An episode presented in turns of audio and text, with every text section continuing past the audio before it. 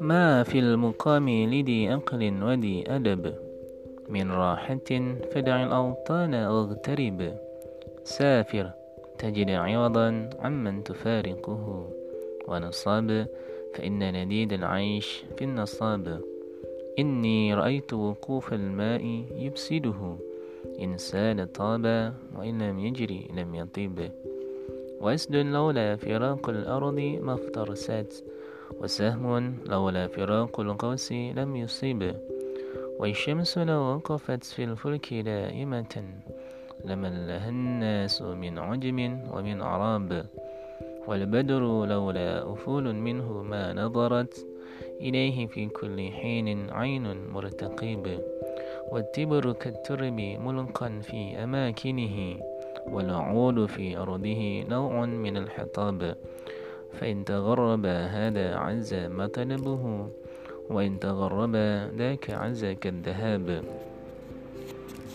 yang artinya orang pandai bermukim takkan bahagia tinggalkan desa baik kau mengembara pergilah kau temukan kawan pengganti berpayahlah kehidupan kan berarti air berhenti lama akan berbau mengalir jadikan tawar tak mengganggu.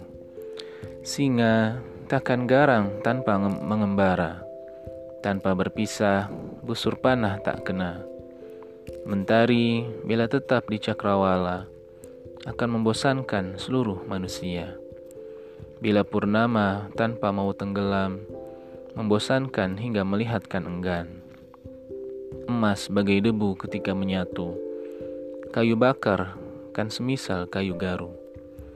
Mengembara menjadikan maksud mulia, bermartabat bagaikan emas permata. Itulah salah satu syair dari Imam Muhammad bin Idris Asy-Syafi'i atau yang lebih dikenal dengan Imam Syafi'i.